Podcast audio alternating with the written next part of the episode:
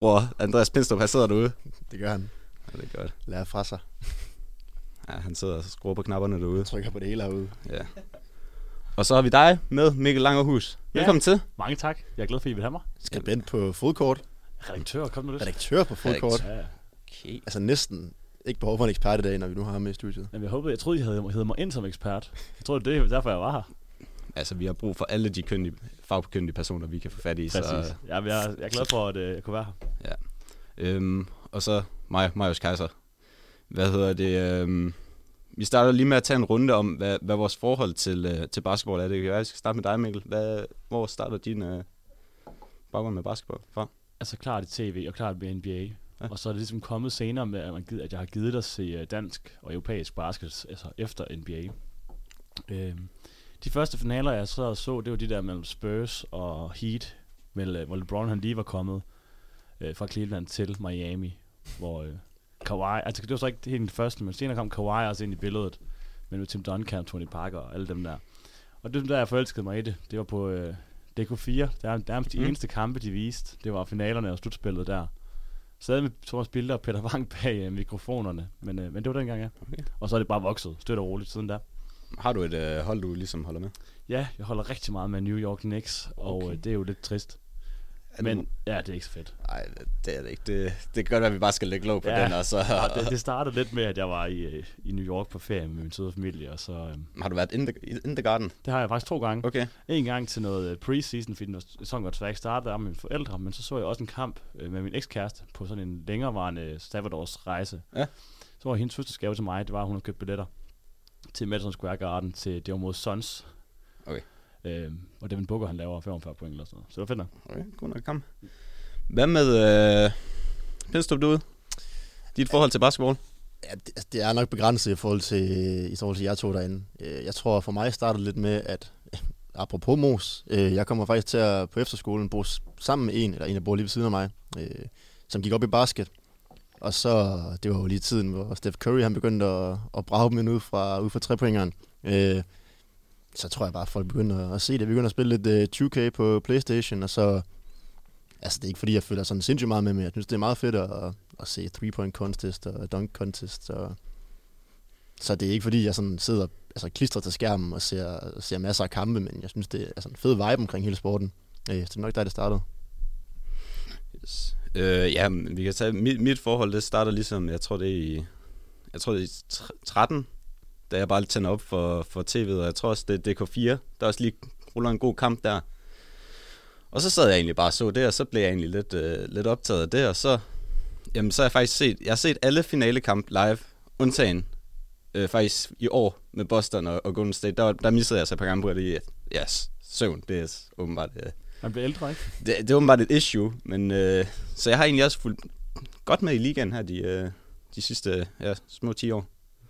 Ja. Hvornår, hvornår sover I egentlig, jeg to, tænker jeg, når I både skal se NBA, og I skal se NFL, og I så... Vi er så heldige, at NFL det kører øh, i pæne, ikke alle kampene, men mange kampe kører i pæne sendetid dansk tid. Altså man kan lige gå i seng klokken 1 søndag aften, for eksempel to kampe. Og det er okay. Ja, og så ellers, jeg, jeg, jeg har i hvert fald rullet en del år med, med League Pass. Præcis, så se lidt, dem på bagkant. Ja, præcis. Lidt, lidt, lidt peberet godt nok. Jeg tror, jeg har lige betalt 900 kroner for et, øh, Mm. for et abonnement.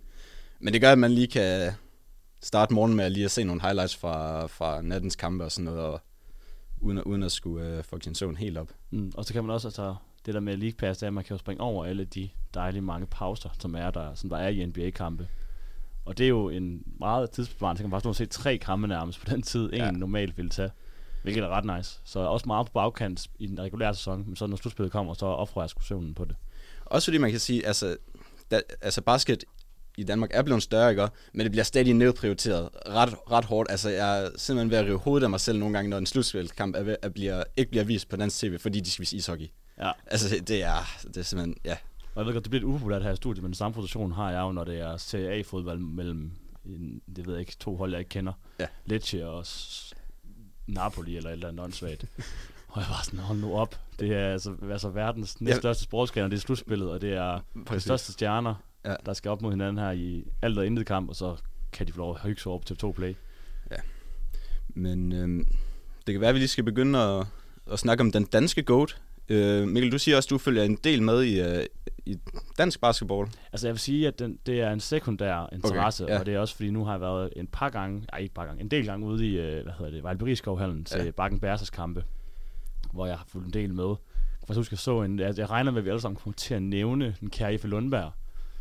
Men øh, jeg, jeg, vidste ikke sådan for alle, hvor han var dengang, men øh, der var en kamp, øh, finaleserie, øh, kamp 5, det er sådan afgørende i den danske liga, mellem øh, Bakken Bærs og Horsens, dengang han spillede med Horsens, som har flyttet ind i CS Arena, den store håndboldhal derinde. Og så var der fyldt halv til den der finalekamp, hvor Ife han, de taber godt nok bakken, ender med at vinde til helt allersidst.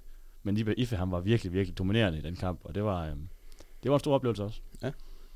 Ife, der lige nu... Oh, fanden er det, han spiller henne? Virtus Bologna. Ja, det er rigtigt. I Italien.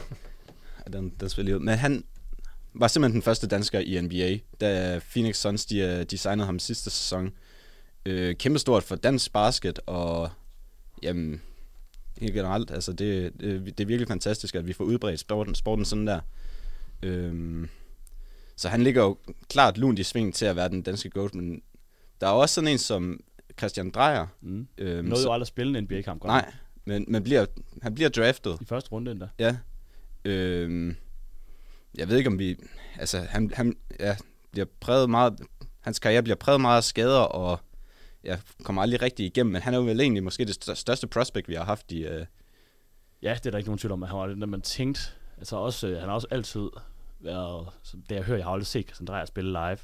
Men det, det jeg hører fra folk, der har fulgt med i, i basket i mange, mange år, det er, at Christian Dreyer han var et langt større naturtalent end Ife Lundberg. Mm. Nogensinde bliver. får vi Ife i NBA igen, morgen? Hvad var det? Ja, det, det, det var en lille teaser fra vores... Øh, jeg kunne I høre det? Ja, Ah, for vores interview med, øh, hvad nu det hedder, med Morten Stig Jensen, der kommer lidt senere her i programmet. Øhm, hvor vi, ja, vi spørger ham ind til, om, om, Ife, om Ife kommer med i NBA igen. Ja, og så er det ingen tvivl om, at jeg har en våd til det, og nu skal jeg ikke, øh, hvad hedder det, nu skal jeg ikke tage den rolle som Morten, måske skal jeg svare på det, men altså, der er jo ingen tvivl om, at også hvis du spørger Morten, øh, Morten Stig Jensen der, så tror jeg også, han helt sikkert vil sige, at øh, Ife han er kommet på hårdt arbejde, og Christian Dreyer, han kunne have kommet rigtig langt, så han ikke var meget skide uheldig med alvorlige skader på uheldige tidspunkter. Mm. Han bliver faktisk, han var faktisk ikke mere end 3-4 år siden, hvor hans øh, draft-rettigheder stadig var med i nogle trades og sådan noget, fordi at, øh, altså man har bare rettigheden til at sige, han ved ikke, hvem det er. Men øh, den er jo blevet tradet rundt, fordi man skal sådan, for det til at passe og sådan noget, ikke? Ja. De der handler. Så han er ikke helt ude af ligaen, selvom han ikke spiller. Altså, Jeg tror, noget af det, Morten også snakker om, det er det der med, at Ife ønsker altså Ife vil selvfølgelig gerne selv i NBA også, men ønsker jo lidt, at der kommer en eller anden anden dansker og overtager hans rolle. Øh, og det er jo også noget, du snakker med Morten om, det der med, at altså, der kommer nogen, og de kommer stærkt lige om lidt, øh, og han har sat gang i noget i Ife. Øh, så jeg tror sådan set, at Ifes største ønske er sådan set bare, at der kommer nogle danskere i NBA. Ja, og lige nu, hvor man kan sige, at hvis jeg nu skal svare på, hvem der er den danske coach, så altså lige nu, hvor vi er i den, den, det sted, vi er i Danmark, hvor Ivan er den langt største stjerne, og han er så stor en forgangsperson for i hvert fald specielt herrebasket, så er, det jo, er der jo ingen tvivl om, at øh, han er den danske GOAT. Ja, er der, vi snakker Christian Drejer i Lundberg. Er der andre, vi ligesom kan tage med i øh, debatten? Eller er, det er jo lidt begrænset, hvad vi har af store, store... Der er nogen, der Basketspiller. respekt, respektabelt niveau i uh, Euroleague, hvor de har været rollespillere rundt omkring i, i en del år, men, men der er aldrig nogen, der har været bærende på, øh, så på store europæiske hold, som Ife han var, inden han røg til Suns. Og ikke mindst selvfølgelig har, har spillet en uh, minimal, men har spillet en rolle i NBA-kampe. Så altså nej, jeg synes ikke, der er nogen tvivl. Nej. Nej, og hvis man bare lige, ligesom skal, skal sige, hvor stort det egentlig er, at Ife han, øh, han spillede i NBA, det er, der, altså, der er 400 ish spillere i NBA.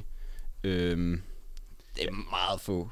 Det må man sige. Det må man sige. Der er jo, hvad, hvad er der er sådan noget, jeg tror, man siger, der er 14-15 spillere gange 30, ikke? Så det er jo, altså, det er jo ikke særlig mange Nej. pladser, der er. Så der kommer de her two-way, two-way kontrakter, hvor man kan sige, så kommer der lidt flere spillere ind, men stadigvæk meget, meget eksklusivt, altså en eks- en eksklusiv klub at være i. Det må man sige. Jamen, øhm, Skal, skal vi næsten lige nævne Big Chris? Altså, han var næsten forgangspersonen for dansk basket, inden Ife kom ligesom frem. Altså, Chris Christoffersen, tænker du? Ja, det er ham, jeg tænker. Ja. Ja, altså. Han var stor i hvert fald. Han var i hvert fald lang, ikke? Ja, Og det var en, dengang var det, nok, var det nok til at være meget, meget dominerende og være den suverænt bedste spiller i den danske basketliga, men altså, var han ikke i sin helt unge år, var han ikke til noget øh, training camp og sådan lidt øh, over og altså snif omkring øh, NBA? Jo, jeg tror, de så et godt prospect, der ikke rigtig kunne styre sin krop eller sin bold. Ja, så, altså, altså. Men uh, der er ingen tvivl om, at den ramme, han har, Og, og den, altså trods alt, den er ikke, den ikke, man trods alt har til at blokere, eller havde hedder det nærmere, kom op og ned af gulvet og blokere skud. Men så så de ham, og så tror jeg ikke rigtigt, det var sådan noget alligevel. Der var vi tættere på med Asbjørn Midtgaard, vil jeg sige, som faktisk var spiller nogle G-League-kampe her sidste sommer, Ja. var det så. Og var også lige ved at komme med her i år, så sikkert der er noget mystisk med, om det fravalgt til sidst og sådan noget. Spiller nu nede i en øh, stor rolle, starten center nede i Holland, i, øh, i det, deres tophold dernede. Så han er nok faktisk det tætteste, vi kommer på Asbjørn Midtgaard. I hvert fald, og i hvert fald klart den næstbedste danske, vi har lige nu. Jamen, øh, For at Ja. runde den af, skal vi... der er Øh, vel ikke så meget debat. Nej. Ife Lundberg, den danske gå. den danske goat. Skal vi se, hvad han har Hvad, fundet hvad, herude? hvad Mester DJ han har. DJ Nu Mustard. har vi lige et øh, stykke musik, og så vender vi tilbage lige om lidt.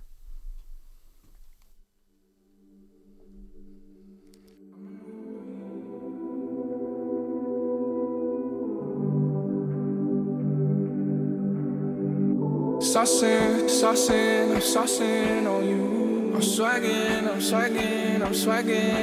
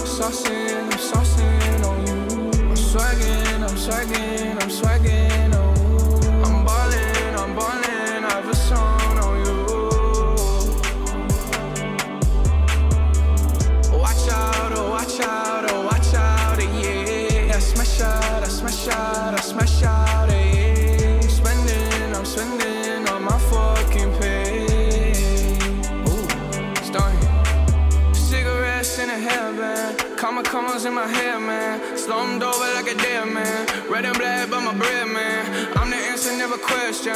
Lace up, learn a lesson. Bitch, I'm saucing, I do this often, don't do no talking. My options right when I walk in, jump on them Jordans, I'm ballin', money jumping, like I'm Davis from New Orleans. Oh, bitch, I'm hard and I don't miss nothing. For practice, this shit just happens,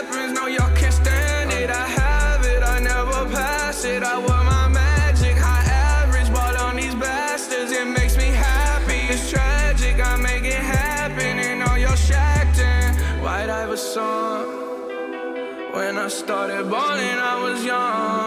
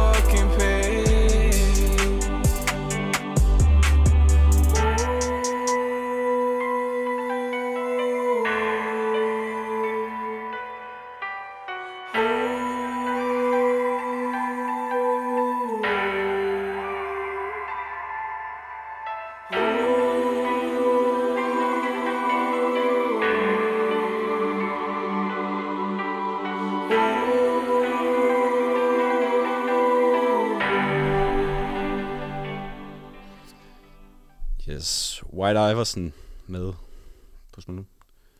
Eller på sådan noget med White sådan. Ja. Øh, velkommen tilbage, og skal vi bare gå i gang med den, Den store debat. den store debat. Who is the greatest of all time? Jeg synes, nu lytter jeg til et cykelprogram i, i sidste uge. Det er noget svært i dag. Det er det til at sige. Er den det? Ja, det er den. Okay. Det er noget svært i dag. Hvad, Mikkel, skal vi, skal vi starte med dig? Når vi snakker the greatest of all time inden for basket. Hvem? Det står mellem to. To? Det står mellem to. Hvad, hvad med nogle af de andre? Der er ikke Altså, nogen af de andre. Der er ikke nogen af de andre. Jo, jo, de er da også rigtig, rigtig gode. Der var rigtig, rigtig gode. Ikke uh, Bill Russells uh, 13 ringe og... Ja, altså vi kan godt snakke om Bill Russell. Og, og så, så kan man også have ham ind som træner og spillende træner, hvor han, øh, hvor han vinder, jeg ved ikke hvor mange, altså 13 siger du så, det var ikke, men altså, men, men altså, det var bare en anden sport i, i 50'erne, og hvornår han nu var med. Og altså, jo, han var da dominerende, og man kan bare ikke rigtig tage det for gode varer, fordi statistikker, man har haft dengang, dem, dem stoler jeg heller ikke helt på. Jeg stoler selvfølgelig på, at han har vundet de mesterskaber, han har. Men om han havde øh, 10 eller 20 blocks, det tror jeg ikke rigtig, man kan tage for gode varer altid. Ej, han er måske lidt uh, basketballens pille på en eller anden måde. Det der, man ved sgu ikke rigtig helt uh, de stats der og sådan, ja. Øhm, men du siger to, så jeg, jeg, lad mig gætte. Le, LeBron og Michael Jordan. Ja, ingen tvivl. Øhm, hvem, hvem hælder du mest til? Jordan. Jordan, hvorfor? Jordan, det, det er også det, det kan være lige så meget være, at grunden til, at jeg hælder til Jordan, det er legenden. Altså historien om Michael Jordan. Mm. Men jeg synes stadig, der er noget om det der med, at han aldrig har tabt en finale til. Han har aldrig, faktisk heller, heller aldrig været i syv kampe. Det har aldrig været sådan, man tænkte, okay, nu taber han faktisk. Altså lige ved næsten. Og, øh, og så viser det også bare noget om hans... Øh, altså nu ved vi ikke, nu går der sådan en konspirationsteori om, at han er blevet smidt ud af ligaen, der hvor han spiller baseball, på noget gambling og noget værk. Men, øh, men i hvert fald, altså alt andet lige, så var han ude af ligaen, og kommer tilbage og lader, dem lige, lader lige de andre få to mesterskaber. Så går han tilbage og tager tre mere. Og, og jo, der er mange år, hvor han har Pippen, Rodman og så videre, øh, Steve Kerr også, øh, som er rigtig gode og et rigtig godt hold omkring sig. Men altså, han har også taget dem rigtig, rigtig langt mange gange, og vundet måske en, måske to ringe, hvor han var, altså hvor der ikke var nogen, der var rigtig i nærheden af ham på sit hold. Så den del er det helt klart med, den med, at han altid, det med, at han har vundet som konsekvent, mens øh, han var på toppen. Og der var ikke andre, der kom til. Der var ikke nogen, der fik, fik lov til at være med, når han, øh, når han var der Chicago Bulls og Mike Jordan op på toppen. Nej, og Jordan han kommer ind i ligaen i, øh, i 84, og han bliver faktisk draftet som nummer 3. Øhm, Hakim, han, øh, han, går, han går som nummer 1. Og det er vel også en af de forskelle, der er på LeBron og Jordan, det er, at LeBron han kommer ind øh, direkte fra high school, og der er man sådan sikker på, "Ah, ja, han er, han er god, og mm. man ved bare, at han, han er the next big shit. Det, det var ikke rigtigt det samme med, med Jordan, da han kommer ind i ligaen. Nej, bestemt ikke, bestemt ikke. Altså, der var, han var stadigvæk et, altså et, altså et stærkt prospect. Man Mm. tænkte, okay, han blev stadig draftet træer, ikke? Og, men Hakim havde simpelthen domineret de her college-rækker, og det var jo også på grund af fysikken. Altså, hvor han altså, dominerer endnu mere på sin fysik college end han gør i NBA. Men jeg tror, det man sagde dengang i hvert fald, at alle, der er ikke nogen, der vil tage det valg om, hvis de to i Houston Rockets position, og kunne tage nummer et. Så man kan, der var ikke så meget vej med det, og det handler måske også om, at man havde dårlige altså, talentspejder og sådan noget dengang. Måske. Jeg ved det ikke. Nej, og så kan vi, vi kan lige nævne, hvem der ender med at gå som nummer 2, Sam Bowie. Og jamen, det var Til- også en skrækkelig historie for ham. til, til, til Portland Trailblazers. Altså, forfærdeligt. Mm. Ja, de må virkelig æve sig. Ja, de misser både Jordan og Kevin Durant. Mm. Øhm, skal vi tage fat i, tage fat i LeBron så? Øh, han kommer ind i ligaen i 2003, og som vi siger, han, ja, han buller altså bare ind. Jeg tror, han, han kommer ind og scorer altså bare, jeg tror det er 25 point i sin første kamp, og man ved, okay, ja, han, han er god, og han, er, han, bliver, han bliver den næste. Mm. Øhm, øh, ja, jeg føler lidt, i hvert fald fra mit perspektiv, det, der, det, det er svært at relatere til Jordan, når man kun har set LeBron. Altså, jeg har set alt, hvad LeBron han har lavet. Øh, alle hans op- og nedture og sådan noget. Øhm, det er egentlig derfor, jeg føler lidt, han er min GOAT. Mm. Men jeg kan jo sagtens se det der med øh, Jordan, fordi han vinder, han vinder de der mesterskaber, og han, kommer, han er ude af ligaen og kommer ind igen. Øhm, men det er, også- det, det er svært at vurdere. Og, altså, Jeg at synes, skulle det, sammenligne. ja, det er øh, det meget. Det er det meget, for jeg synes, at argumentet for LeBron, det er der. Altså, det er der virkelig, og det er virkelig tydeligt, at det er, han har været god og været nok ligaens bedste, eller i hvert fald blandt ligaens bedste i så sindssygt mange år. Mm. Altså fra han kommer ind, måske sit første år, men så sit andet år, indtil måske for et år siden, har han været top 3 spiller i ligaen. Og mange år den klart bedste. Og så den, den, hvad hedder sådan noget, han, på amerikansk kan man longevity, jeg ved ikke, hvad det på dansk. Den er fuldstændig øh, usammenlignelig fra andre spillere i, øh, i ligaen. Selv, selv øh, Kobe var jo rigtig god i mange år, men der var også, altså han, han var langsom om at komme i gang, og var dårligere på, altså i sine sidste år i ligaen. Men det er også det, var det, vi har meget, snakket meget om de tidligere programmer. Det her med kontinuiteten, i man vinder og vinder og er god, altså over en lang årrække. Øh, men har han vundet nok, eller hvad? LeBron? Altså, han løber jo ind i det der Golden State-hold, altså gang på gang. Ja. Ja, det har du da ret i. Altså, men, men jeg tror, at sådan man kan sige, at LeBron, han har, været, han har selvfølgelig været god så mange år, men, men på sit peak, der var Michael Jordan bedre. Og det kommer an på, hvem man tager, hvis man siger, men der måske har haft den største karriere over, altså set over det hele. Han ender med at blive den mest scorende all-time LeBron, og, og med alt, altså med overvejende sandsynlighed. Det er klart, så har man et argument, men jeg synes, at det med, at altså, når Michael Jordan han snitter jo kraftedet med, undskyld mit franske, øh, altså 32 point i hele sin karriere i slutspillet. Det siger jo også lidt, ikke? Hvor man kan sige, at det kan godt være, at han var, var i slutspillet færre år, spillede i færre år, men da han var god, så var han den bedste. Og det tager ikke helt LeBron på samme måde. Nej, og man kan også sige, det der med, det du siger med, med, med Jordan, at han ikke taber nogen. LeBron, han har altså et, altså et par nederlag, og især et grimt lidt i 11, hvor, øh, Til Mavs. hvor, ja, hvor han taber til Dirk, øh, hvor han, altså, han er simpelthen ikke eksisterende i, de der, i, i, i finalekampene. Øh, og det, altså, det er lidt en skamplet. Da, vi- da vi snakkede med Morten Stig Jensen der, øh, så prøver jeg lidt at spise ham af med, med et argument for LeBron, og det er det der med, altså man, man kan ikke gøre så meget, at, at han skal møde det Golden State hold hele tiden, i alle de år der. Øhm, og jeg synes bare sådan, den serie, han spiller i 15, jeg ved ikke, altså selvfølgelig, Det der, han skal blive finals med Peace, eller jamen, taber. lige, lige præcis, jeg føler næsten, at det er næsten, altså at det er en lille chip for ham, fordi han spiller så godt. Kan, kan, kan du følge mig i det argument der? Den største chip, jeg synes, han har, det er, at han får det der dårlige Cleveland-hold i finalen efter i hans tredje år i ligaen eller sådan noget. Han ender så med at tabe Mm. 4-0 i finalen, hvilket er helt fair. Men at han får det hold i, i finalerne, det er han, i min bog den største chip på hans, og det og, og mesterskabet med Lakers for tre år siden. Ikke, øh, ikke det i 2016? Så Mod, mod Golden State, tænker Ja, som jeg synes, det, det synes jeg er sådan der all time den største bedrift. Nej, det synes jeg ikke. Det synes du ikke? Der synes jeg, det er to ligeværdige mandskaber, for der har han Kyrie og Kevin Love med, som spiller op til deres bedste. Men han er nede 3-1 mod, ja, altså det Klart. bedste hold. Ja, klart. Altså, Det- måden, altså- altså, måden, de gør det på, men det er jo igen, så vi i historien frem for selve resultatet. For historien om det er fuldstændig fantastisk. Jo, ja, men altså det er også, altså Golden State det be, altså, har den bedste record all time. Og er nede 3-1. Det, altså det, Jamen afgjort. Altså, Ja. altså hvis man Ja, kun ser isoleret de tre kampe, som han med at vinde, Ja. så, så, har, så er vi der. Men, han, men altså, han var stadig med, at de taber de tre, tre af de fire første. Så man kan sige, man er nødt til at se finalen over altså hele, altså hele serien. Mm. Og der synes jeg, altså, hvis man siger, at inden at de vandt den her 4-3, afgjort har måske haft en lille fordel til Golden State, men de har ikke været sådan alt overskyggende favoritter i min bog inden serien heller. Så altså, så jo, selve comebacket er jo sejt. Det er det da. Men, men ja, jeg synes, det var, jeg synes, det var større de to andre. øhm, Nu, nu snakker vi Golden State. Altså nu, Golden State var grunden til, at jeg som begynder at sige lidt basket i hvert fald. Øh, undervurderer man Steph Curry i hele den her debat? Overhovedet ikke. Overhovedet ikke. Nej. Fordi jeg synes bare, altså fra det, som jeg ligesom hører, og det jeg selv har set, så har han jo ligesom, altså han har jo været med til at ændre sporten.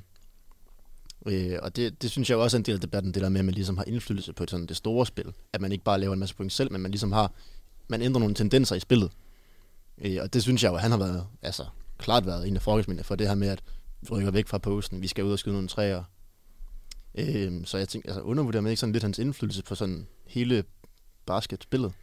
Det synes jeg ikke. Jo, men, nej, nej, men det er klart. Det er klart, det er en stor del af hans fortælling. Altså Steph Currys fortælling, at han har været med til at ændre sporten til en meget mere altså guard-baseret liga, og øh, altså meget mere skud udefra. som du, det ændrer hele den måde, børnene leger basketball på i USA og i Danmark, for det skyld. Så på den måde er der jo et argument, men så kan man også sige, at det var Jordan, som gjorde sporten global. Det var Jordan, der gjorde sporten kommercialiseret. Så på den måde har han også haft sin egen indflydelse, som måske endda har været været vildere på sin vis. Men jeg synes, man kun snakker om, hvad de har lavet på banen, så får så Curry sin første Finals MVP her for ja, sidste år i sommer. Han skulle så have haft to, dengang hvor Iguodala får en. hvis det ikke må gå til LeBron. Men uanset hvad, så kan, det, så kan han CV ikke hamle op med, øh, med hverken LeBron eller Jordans. Altså også fordi, at han har været så meget skadet, det er jo så synd for Curry, men alt andet lige, så har han bare ikke været der de år. Nej, altså kan man, ikke, ikke for at tage noget fra, fra Steph Curry, ikke? men han ender simpelthen også bare i, altså, han ender som blommen i et æg. Altså, han har det så godt på det der Golden State hold, hvor han får, ja, Steve Kerr som træner, øh, og så har han, øh, så er han backet op af, af Clay Thompson, en af de bedste, ja, han er jo næsten den næstbedste, hvad nu der er, trepoints øh, skytte i ligaens historie. Øhm, og så Draymond Green, det her forsvarsanker. Øhm, så han har alle, og så, ja, så ender de jo så med også at hive øh, Kevin Durant ind til to uh, mesterskaber. Øhm, også ja. en af de bedste spillere i uh, Jamen, på det, tidspunkt, på det tidspunkt, de, de to sæsoner der, hvor de vinder mesterskab med Kevin Durant, der er Kevin Durant ja. sammen med LeBron, de to bedste spillere i hele ligaen. Ja. Så det med, at man kan ikke rigtig tage en med, som i, år, altså, i størstedelen af sine mesterskaber ikke engang en bedste spiller på sit eget hold. Det er den, den vil jeg ikke rigtig købe ind på. Og det der så til nu, må jeg så tage et LeBron-argument, øh, som så taler mod min egen, øh, altså, det er så, at, at LeBron har gjort det i så mange forskellige konstellationer. Altså nu er tre, derfor jeg nævnte Lakers-mesterskabet. Det går, han har Anthony Davis, som er som helt mirakuløst og rask i hele slutspillet der i boblen. Men det er stadigvæk tre forskellige konstellationer, han har taget det her mest, eller vundet det her mesterskab i, og så har han altid selvfølgelig haft Kyrie, Dwayne Wade, Chris Bosh, Kevin Love, Anthony Davis. Selvfølgelig, men det havde Jordan også. Altså, Jordan havde også i klart sin fleste mesterskab, havde han skulle have Pippen. Så så jeg siger, det der med at kunne gøre det på forskellige måder, og ikke kun have det som blommen i æg som uh, Curry, men selv skabe, altså selv putte sig selv i den blomme, synes jeg jo også er, er en kvalitet, som LeBron han skal have kredit for i den her snak. Mm. Ja, hvis vi tager fat i altså Jordans supporting cast, fordi han har jo faktisk også ja, Phil, Phil Jackson som, øh, som, som er en af, ja, jeg ved ikke, han er måske egentlig også the GOAT træner, hvis man kan sige det sådan, altså øh, basketball guru, guru og så har han øh, Scottie Pippen også øh, igennem alle årene, og det er jo egentlig, det er jo til hans held, alt det her med, med Scottie Pippens kontrakt.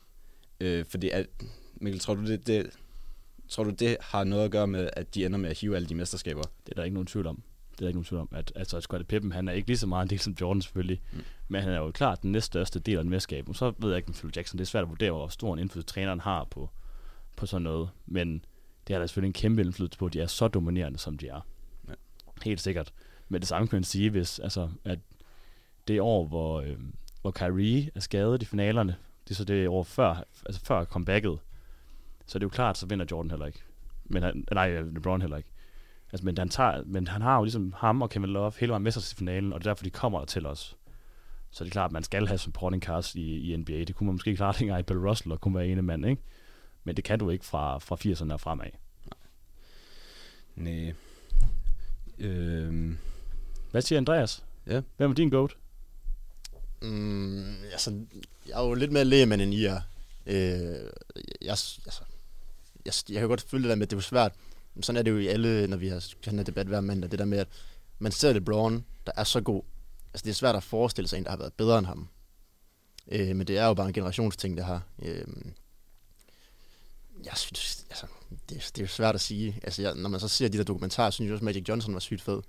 Han var måske lidt mere sådan Ronaldinho-agtig, sådan han kunne ikke rigtig forsvare og sådan noget. Øh, men var bare fed og kunne lave en masse fed offensive ting, hvor jeg tænker, LeBron er sådan lidt mere komplet. Øh, sådan min personlige goal, hvis jeg nu sådan, bare hvem jeg selv synes er fed, så vil jeg nok tage Steph Curry. Det er fuldstændig vanvittigt. Det er jo det samme, nå, som, nå. Det er jo det samme som siger Alberto Contador over uh, Eddie Max. Jo, altså, jeg, altså ikke, ikke i den store GOAT-debat, men min egen personlige, okay. som jeg synes, eller som har, har haft størst betydning for mig i hvert fald, der er det klart Steph Curry. Altså det er, han, det er sådan lidt hans skyld, at jeg begynder at se basket. Øhm, men jeg, altså, jeg fandme også godt lide Jordan. jeg synes, den, altså, jeg håber, at alle her har set uh, The Last Dance på Netflix med Jordan. Øhm, og jeg synes, en af de fedeste scener, det er den der, hvor han, øh, jeg tror, der sidder nogle sikkerhedsvagter og spiller et eller andet spil med en mønt, der skal tæt på væggen, eller sådan et, et eller andet. Øhm, og så går Jordan bare forbi, det, jeg tror, det er før en kamp, eller før en træning, eller sådan noget. Og så øh, ser han bare, de sidder og spiller det her lidt, ja, lidt mærkeligt spil, øhm, og går så over og spørger, om man må være med, fordi at manden er konkurrencemenneske ind til benet. Øhm, og ender som her, og ligesom at frarøve alle de her stakkels sikkerhedsvagter deres, øh, deres mønter. Øhm, og så bliver han spurgt om det her med, hvordan sådan en sejr vægter i forhold til at vinde for eksempel altså en NBA-titel. Og så siger han jo bare det her med, at det er fordi, så ved jeg, at jeg har dine penge i min lomme. og jeg synes jo bare helt, også, altså man kan også bringe Kobe i den her Mamba mentality. Altså, de ville jo bare meget mere end alle de andre. Øh, så jeg synes, især, altså, for at tage det op på et højt niveau, basket har jo bare nogle altså, sindssyge både personligheder og atleter, og altså, jeg tænker, den adskiller sig lidt fra de andre sportsgrene, i forhold til, at de, de er simpelthen så dedikerede, mange af dem her. Øh, og så også det, hvis man nu igen får taget tilbage til Last Dance, øh, der er en sekvens, en eller anden sommerferie øh, imellem sæsonerne, hvor der er, at de møde, jeg tror faktisk måske det er mens øh, hvad hedder det, Jordan laver Space Jam, øh, hvor han simpelthen bare lige ringer rundt til øh, alle gutterne, så spiller de bare noget street basket. Øh, og jeg tror, når jeg skrev på Twitter faktisk også, det der med, kunne man forestille sig, altså Messi, han lige ringer til Ronaldo, Neymar, alle gutterne, og så de lige spiller noget five side. Altså det, det kunne man ikke rigtigt, så det er, jeg synes, kulturen er bare vildt tiltalende. Altså i, ja. ja. Jamen helt sikkert. Altså jeg tror, at det der med, at, at ofte så også har i hvert fald min sådan seermæssige oplevelse af fodbold, det bliver også meget det her med, at det ikke nødvendigvis er vildt dedikerede atleter. Men altså, man ved bare, at de her basketballspillere, NBA-stjerner, de lever og under for basketball. Og det er derfor, de kommer til, hvor de er. Det er, fordi de synes, det har været pissefedt altid at rende rundt og spille på en eller anden dårlig øh, asfaltbane i Michigan i USA, eller et eller andet åndssvagt. Ja, man kan sige det der, der USA måske også bare et helt andet land end, end Euro, eller, ja, landet i Europa er, hvor altså de, det er enten at komme i ligaen, eller så er det at stå på McDonald's. Altså det, det er ligesom de to, øh, to muligheder, du har. Ja, det er ligesom, når brasilianerne de kommer ud af favelerne ja. i, øh, altså, ja, i Brasilien. Ja. nok. øh, det der med, at det er lidt all or nothing. Altså enten så er det, enten så, så maker du den, eller så gør du det simpelthen ikke. Så er det stik modsatte.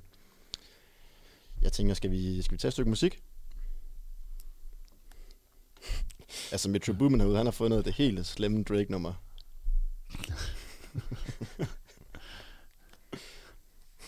Han trykker på det nu. Ja, tak. Halloween. Taliban. Taliban. Yeah. Jumpin', jumpin', jumpin', them boys up to something. They just spent like two or three weeks out the country. Them boys up to something, they just not just bluffing. You don't have to call, I hear my dance like Usher. Ooh. I just found my tempo like on DJ Mustard. Ooh. I hit that Ginobili with my left hand, though, like woo. Lobster and saline for all my babies that I miss. Chicken finger, fresh fry for them hoes that wanna dance. Jumpin', jumpin', jumpin', them boys up to something. Uh uh uh, I think I need some Robitussin. Way too many questions, you must think I trust you. You searching for answers, I do not know nothing. Woo! I see him tweaking, ain't no something's coming. Woo! Jumpin', jumpin', jumpin', them boys up to something. Woo! jumping, jumping, jumping, fuck what you expecting, woo. Shot town, shot town, Michael Jordan just said text me, woo. Jumping, jumping, jumping, jumping, jumping, jumping. I just seen the jet take out, they up to something. Them boys just not bluffing, them boys just not bluffing. Jumping, jumping, jumping, them boys up to something. She was trying to join the team, I told her, wait. Chicken wings and fries, we don't go on dates. Noble, noble, noble, noble, noble, noble. I just throw a private dinner in LA. Trapping is a hobby, that's the way for me. Money coming fast,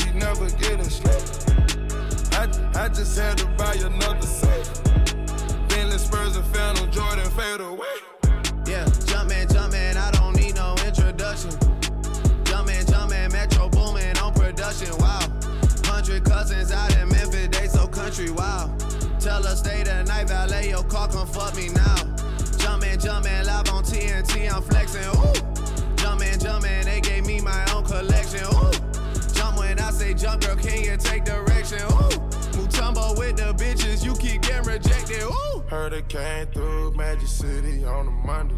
Heard they had the club wild, it was star studded. A bunch of girls going wild when your chain flooded. And I had them like wow, cup dirty.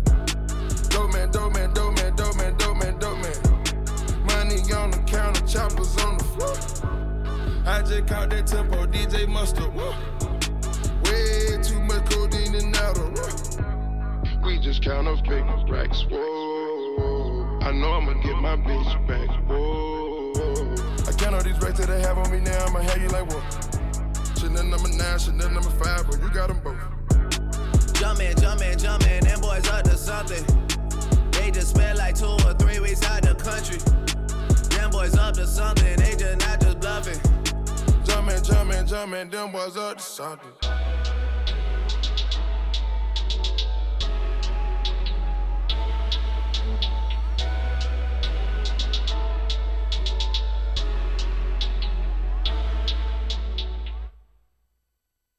Drake og Future med Jumpman. Øhm, og vi har snydt lidt i dag, fordi vi har lavet lidt, øhm, lidt lektier tidligere i dag, hvor vi har kørt et øh, interview med øh, NBA-ekspert Morten Stig Jensen. Øhm, han kunne ikke være med igennem live, for han skulle passe børn. Øhm, så, vi har, så vi har optaget... Øh, Og hvad, hvad er det, hans børn hedder? Bruce og... Hvad er den anden hedder?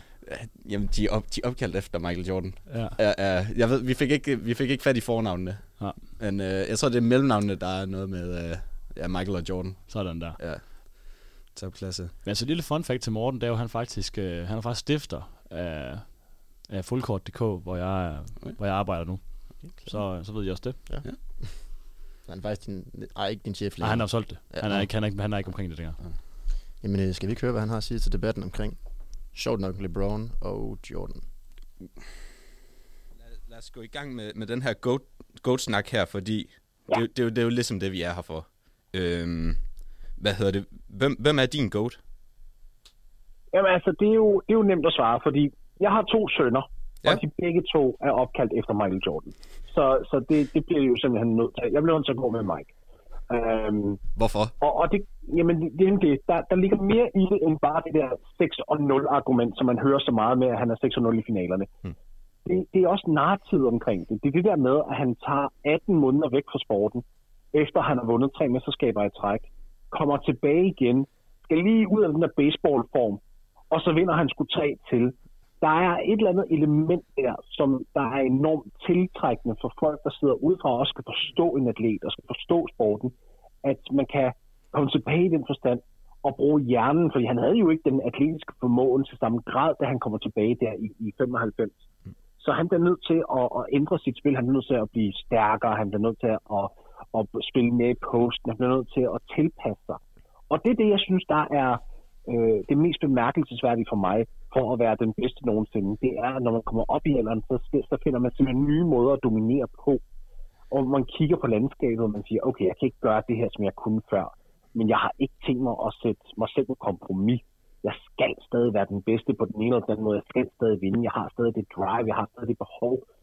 Så, så jeg skal genopfinde mig selv. Og når han så genopfandt sig selv, Michael Jordan, så gør han det på en måde, eller gjorde han det på en måde, hvor han stadigvæk var den bedste. Altså, jeg vil jo, jeg vil jo stadig våge den påstand, at i de tre sidste mesterskabsår for ham, altså 96, 97, 98, der var han den bedste postspiller i NBA, og det er til trods for, at han var en shooting guard. Mm. Det var jo ikke noget, man så dengang. Så man kigger jo på et, et individ, som der bare overkom så mange ting hele tiden, altså pension og, og krop og alt muligt, og alligevel fandt sin vej til, til bjergtoppen igen og igen og igen. Og det synes jeg bare lige slår, øh, slår de andre af dem. Det gør jeg altså. Hvor, altså, er, er, det- er det så så simpelt at stille det op? Er det LeBron mod Jordan i den her debat her? Nu ved jeg godt, du går med Jordan, men er, altså, eller er det bare, det er bare Jordan? Nej, altså, jeg synes, der er en debat. Jeg, synes, jeg, jeg kan slet ikke bebrejde folk, som der er yngre end mig især. Fordi det, er også, det handler også om, hvornår man er født. Mm. Der er stadig mange, som der kigger på Kareem eller Bill Russell som værende den bedste nogensinde. Og det er jo så selvfølgelig nogen, der er, er ældre end, end, end mig, for eksempel. Og det, jeg synes, det er helt fint, at man tager æra ind i, i, altså, ind i sammenhængen også, hvor man ligesom siger, okay, men jeg var op i 60'erne og 70'erne, så, jeg så Bill Russell, og jeg så Will Chamberlain, og om jeg var vokset op i 80'erne, så jeg så uh, Kareem, og det, det giver total mening. Så jeg synes, der er sådan en lille, et lille panel nærmest af kandidater. Men man skal bare huske, det er meget æra-inddel. Altså Jordan er jo også en anden æra nu. Vi kan ikke sidde og sige, at, at han spillede i den moderne æra længere. Det, det kan vi simpelthen ikke sige. Det gør LeBron jo stadigvæk. Mm. Så, så jeg kan sagtens forstå debatten. Øhm, så jeg synes ikke, det er en få. Jeg synes måske, der er de der fire-fem kandidater, som man ligesom kan hive ind. Men hvis vi, hvis vi skal være totalt hårde, så kunne man godt sætte den op Michael LeBron. Det kunne man godt. Så jeg vil da i hvert fald våge den påstand, at de er de to der er talt på bjergtoppen, og det vil jeg bruge et argument til. Hvor, De har jo lånt fra folk, der kom førhen. Mm. Så de er jo blevet bedre også på grund af fortiden. Og det vil jo sige, at om 20 år, så ser vi jo måske en spiller, som der har lånt alle børn og Mike og alle de andre. Og så er det ham, vi siger, det her, det vil gå. hvad hedder det, hvor meget, hvor meget synes du, mesterskaber de tæller i den her debat, hvis man sådan skal stille op, uh, LeBron og Jordan? Fordi Jamen, jeg- jeg Jordan, synes, Jordan på uhyggeligt. 6 og så LeBron på 4. Ja. Det er uhyre vigtigt. Altså stadigvæk. Og det er ikke fordi, man skal, man skal sige, at det, at det er hele argumentet. Nej. Overhovedet ikke. Men, men det er stadigvæk den name of the game, det er ved det mesterskab. Altså nu, lad os nu bare være helt ærlige. Det er også derfor, jeg for eksempel har Tim Duncan meget højere på min liste, altså på mine all-time lister, end mange andre har. Folk har, har så travlt med at kalde ham kedelig, for eksempel. Mm. Men altså, det, det kan jeg bare svært ved at se et argument for, når man vandt så meget, som man ja. gjorde. Jeg, jeg, jeg synes dog, at det er, når det er det fælles mål for samtlige NBA-klubber og samtlige NBA-spillere, jamen jeg skal vinde et mesterskab, jamen så tæller det da også, at man rent faktisk går ud og vinder det. Og så er der mange, der prøver ligesom at sige, jamen LeBron kom til finalerne. Ja, og det tæller også. Det tæller også at komme til finalerne. Det er super flot. Men når man så er der, og man ikke kan få missionen fuldført, det tæller bare ned i min bog. Og Men- er det unfair? Muligvis. Ja, for det jeg skulle til at sige, fordi uh, jeg synes, der er mange af de år, LeBron han har været i finalerne, hvor man kan sådan sige, han løber altså bare ind i det der Golden State-hold, som, ja, jeg ved ikke, nu kan jeg da godt lægge hovedet på blokken og sige, det har måske været det bedste hold nogensinde. Øhm, Ja, Så jeg ved ikke, om kan man, kan man på en eller anden måde sige, de der præstationer, LeBron han har altså fundet igennem flere år, øh, at det måske næsten kan være mesterskaber i sig selv, og så han bare løber ind i overmagten. Jeg, jeg forstår godt din pointe, men, Ja. men se, der er, der er jo så kynisk. Ja. Det vil jeg sige nej til, fordi i sidste ende, så er det ikke ham, der står med, med, den, med der løser vulkanen. Ja. Altså, og, og jeg ved godt, at det lyder meget simplistisk. Og jeg, jeg, for jeg kan sagtens forstå, hvor du kommer fra. Ja. 100. Jeg vil så samtidig også pege på, de burde have vundet over Dallas i 2011. Mm. Det, det er jo den helt store skam. Altså, han snitter 17 point i finalerne, han får simpelthen ikke op. Han er ikke LeBron på det tidspunkt, og det, det er også noget, der trækker ned, fordi så kunne han have haft en ring til. Øh, jeg vil også sige 2014 mod Spurs. Jeg ved godt, at Spurs kommer tilbage, fordi de vandt de tabte jo sidste år faktisk mod Miami. Mm. Og, og, og ligesom havde en vendetta sat. Men det burde Miami have været klar over. Det burde de have været klar til. De burde ligesom have været givet op og sagt, OK, vi ved, de kommer ind med en rigtig stor chip på deres skulder lige nu. Vi skal, vi skal være klar til det. Og det var de ikke, og det var det blonde heller. Jeg forstår godt Golden State-argumentet, men samtidig så tænker jeg, at ingen odds skal være for store her. Du bliver stadigvæk nødt til at komme igennem. Altså Jordan i sin tid, han- jeg, skal, jeg vil heller ikke give ham credit for ikke at kunne slå Detroit i Eastern Conference-finalerne to, to, år i træk. Mm. Fordi altså, det, det, var hans arbejde. Det skulle han da gøre. Det kan godt at det var det bedste hold i basketball på det tidspunkt. Det undskylder det ikke. Altså, han burde have kommet igennem. Så, så jeg synes, man skal sætte den samme standard til, til alle spillere. Og det er, at hvis du ikke vinder, jamen, så har du fejlet din mission. Det er klart, det er klart. Hvad hedder det? Til, hvor meget tæller Jordans college-mesterskab i, i den her ligning? Tæller den noget, eller hvad? Uh, ja, det gør den jo nok, men ikke, altså, det, er jo ikke- det er jo ikke en stor del af det, det vil jeg jo sige. Man kigger jo selvfølgelig altid mest på de professionelle rækker. Jeg synes faktisk, at Dream Team tæller mere for det også. Mm. Øhm, og, og, der kan du også sige, at LeBron har også været på, på Team USA og alt det her, men, men Dream Team var bare, igen det der med nartid, der kommer ind, og hvad det gjorde, altså det var, det var langt vigtigere. At Jordan så selvfølgelig får det mesterskab i college, og han gør det i sin freshman season, altså sit første år ved UNC, og så rammer det sidste skud i den afgørende kamp. Det, det, jo, altså, det er jo ligesom, hvad skal man sige, det, det er der, hvor hele hans legacy begynder, synes jeg. Altså det er der, hvor vi ser, at der, der er noget specielt, der er ved at bygge. Det er opbygning i det hele. Mm. Um, men, men jeg vil hellere kigge på, på, øh, altså, på, på Dream Team og den indflydelse, der havde der. Hvordan han ligesom var startskuddet til, hvad der vi nu ser i international dominans. Altså, vi kan argumentere for, at de tre bedste spillere i NBA lige nu, de er alle europæere. Giannis Antetokounmpo, Nikola Jokic og Luka Doncic. Øh, var det sket uden Jordan og Dream Team tilbage i 92? No way. Ingen, altså, ingen tvivl i mit sind, at det var ikke sket. Så, så det er også et spørgsmål om, at det ligesom har ført til down the road, synes jeg. At man ligesom inspirerer andre og alt det her. Øh, det, det spiller også en rolle med i, i, i GOAT-samtalen. Men jo, jeg vil ikke sige, at, at mesterskabet i UNC ikke tal for noget som helst. Mm. Nej, ikke lige så vigtigt. Hvad hedder det?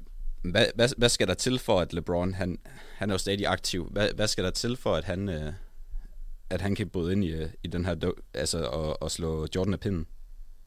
der, der skal et par mesterskaber til, synes jeg, men, men mere end det, så tror jeg også bare, at man skal se en, en anden indstilling, fordi LeBron hele tiden, det har altid handlet om kontrol er kontrol af lederskabet, kontrol af trænerstaber. Han skal altid ligesom være den, der har final say, og det var ikke det der med, ligesom med Jordan i sin tid, hvor at han spillede under en fast træner. Han tog øh, råd og vejledning, og, og det var alligevel altså Phil Jackson, der, der kaldte skuddene. LeBron, hele tiden, hvis man, hvis man er den, der går ind og tager en mængde af kontrol, som LeBron gør, jamen så synes jeg også, man står mere til ansvar. Så er det der, hvor man tænker, men hvis du gerne vil have, for eksempel Russell Westbrook, lad os tage det eksempel. Mm. Det var jo LeBron James, der ville have Russell Westbrook ind sidste år. Det er gået fuldstændig grotesk galt med den beslutning. Men hører vi LeBron blive kritiseret for det særlig meget? Nej, det gør vi ikke. Vi hører faktisk kun al kritikken lande på Russell Westbrook. Og det er der, hvor jeg tænker, det, der er noget, der ikke hænger sammen der. Fordi hvis man som superstjerne går ind og siger, at jeg vil have den her spiller, jeg vil have den her spiller, og man så rent faktisk får den, og man så ikke kan levere med det krav, man ligesom sætter, jamen så, så tæller det også hårdere ned. Der, hvis du går tilbage til Jordan, så han gik rundt og sagde også, at han var jo heller ikke et hak bedre. Han ville gerne have altså, Joe Wolf, en, en spiller, som der spillede for, for UNC tidligere og sådan nogle ting, hvor at Jerry Krause, Chicago general manager, sagde, nej, nej, nej, vi, vi finder nogle andre. Og så var det ligesom dem, der byggede holdet op, og Jordan var tit pisse irriteret over de beslutninger. Altså hans bedste ven, Charles Oakley, blev lige pludselig traded til New York for Bill, Cartwright. Bill Cartwright. Mike var, var pissed. Altså han var, han var virkelig sur, men det viste sig jo, at det var en af de ting, der skulle til, for at de overhovedet kunne vinde mesterskabet. De havde ikke vundet mesterskabet, mesterskab til Charles Oakley. Så, så det, det der med, at LeBron ligesom har den der, det der carte blanche til at kunne gå ind og sige, at jeg vil have øh, A, B og C, og jeg vil have det på den her måde, og den her måde, og den her måde, så synes jeg også, du får mere til ansvar. Og det er der, den er svær. Det er der, jeg synes, det er svært ligesom, at kunne sætte LeBron op på, på et højere niveau. Øh, fordi du, du bliver sgu også nødt til at være omstillingsparat, og det har han ikke været. Ja, det var øh, et lille interview med, øh, med Monster Jensen, og som I kan høre, så havde han altså meget på hjerte. Øhm, vi endte med at snakke med ham i en, ja, en 35-40 minutter, øh, og vi har egentlig tænkt os bare at lægge det hele op som en podcast, så kan man lytte til det, hvis man har lyst. Øhm, men øh, Mikkel, han var meget på, øh, på Jordan, ligesom dig. Jamen, det er jeg jo glad for. Ja. Det er jo fordi, at han har forstand på det. Nej, altså, men jeg synes også, noget vi glemte før, som, øh, vi, som jeg lige kan snakke om her i pausen, det er, man glemmer også lidt, at LeBron jo ikke har vundet årets forspiller. Og det er jo ligesom en del af NBA, faktisk cirka halvdelen. Altså, at, at det har, hvad hedder han, Jordan gjort tre gange, tror jeg, og en dag i sæsoner, hvor han har vundet MVP, for årets forspiller, og vundet mesterskabet, hvor han bliver finals MVP i samme sæson. Så er man altså rimelig, dominerende, dominerende. Rimelig, rimelig god. Ja. Og man kan sige, det er jo heller ikke fordi, Jordan spiller jo også i en, øh, i en ære, hvor altså, talentmassen, den er der jo stadig. Altså, ja, der- præcis. Det er, jo det, er også, det er også det, Morten nævner her med Detroit Pistons, som var, altså de her bad boys Pistons. Mm. Altså, de var pivgode. Ja. Altså, det, så det er jo ikke fordi, man kan sige, at LeBron har haft større konkurrence bare på grund af Golden State. Så øh, helt klart. Ja, og Er det blevet sværere at forsvare i dag, end det var for Jordan? Altså, rent faktuelt, så er reglerne lavet sådan om, at det er, øh, at man har favoriseret angrebet på grund af det kommercielle produkt, som NBA trods alt er. Det er jo en privat ejet liga, hvor man nok går lidt mere op i seertal, end man gør i, øh, i Fairness for eksempel. Jeg tænker mere sådan i forhold til, igen, Steph Curry. øh, den, altså den her måde, at det bare er rykket længere væk fra, fra kurven.